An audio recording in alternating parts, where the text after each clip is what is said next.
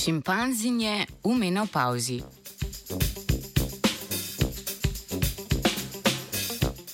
Pri ljudeh osebe z jajčniki okoli 50. leta preidejo v obdobje menopauze. Do takrat so se vsa jajčica že sprostila in postanejo neplodne. Do danes smo pojav menopauze poznali pri ljudeh in nekaterih vrstah kitov. Pri vseh teh vrstah osebe v menopauzi izkazujejo skrb za populacijo, bodi si pomagajo pri skrbi za mladiče, bodi si za celotne skupine živali. Mednarodna raziskovalna skupina v reviji Science poroča, da je odkrila pojav menopauze tudi pri skupnosti šimpanzev in šimpanzi Ngogo v nacionalnem parku Kibale v Ugandi. Z vidika biologije se zastavlja vprašanje, kakšen evolucijski pomen ima obdobje življenja po reproduktivni dobi.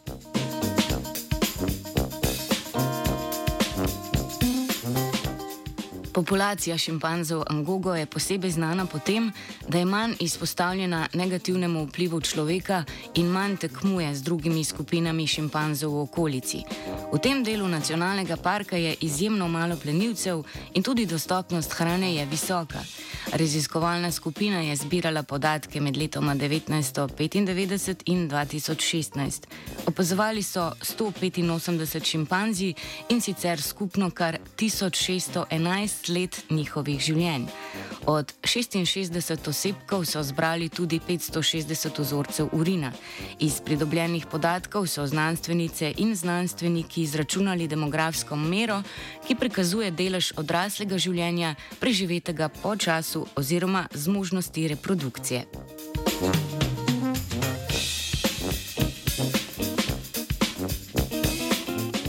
Ko nastopi menopauza, se jajčica nehajo sproščati iz jajčnikov.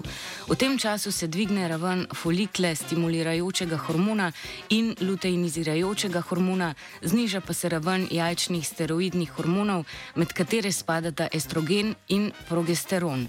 Prisotnost hormonov so izmerili iz vzorcev urina.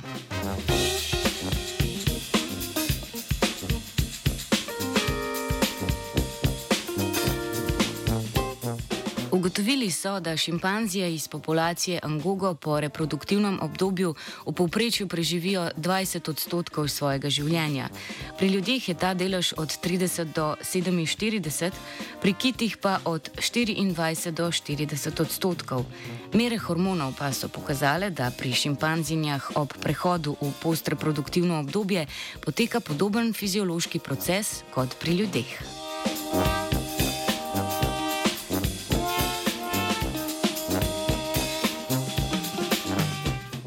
Raziskovalna skupina ponuja dve možni razlagi pojava menopauze pri tej skupini šimpanzi. Prvi, po prvi razlagi so raziskovalne skupine do zdaj podcenile življenjsko dobo šimpanzov, saj večina raziskav preučuje šimpanze, ki so podvrženi številnim vplivom človeškega spreminjanja njihovega življenjskega okolja in tako bolj izpostavljeni boleznim. Po drugi strani pa predvidevajo, da je skupina zavarovana pred plenilci in drugimi nevarnostmi in se dolžina reproduktivne dobe ne spreminja, zato se tudi ni podaljšala v višjo starost kljub primernim pogojem.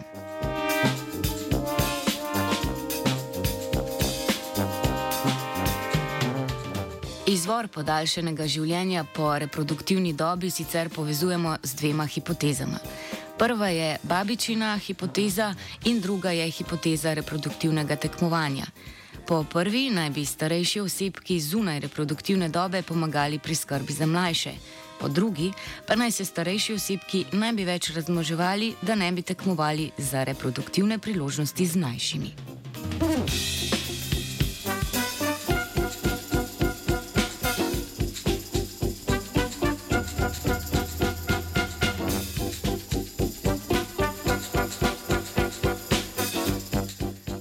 Opisani raziskavi se niso spreminjali vedenja šimpanzi in morebitnega vpliva osebka v menopauzi na celotno skupnost, pri skrbi za mladiče in pri iskanju virov hrane. Raziskava tako odpira več vprašanj o menopauzi in njenih vzrokih, kot ponuja odgovorov.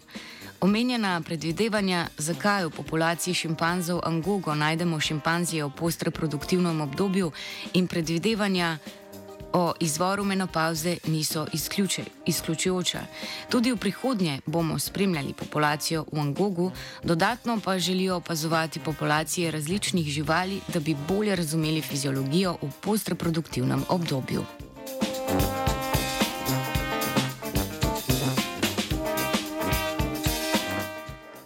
Šimpanzije iz Angoga je spremljala Zarja.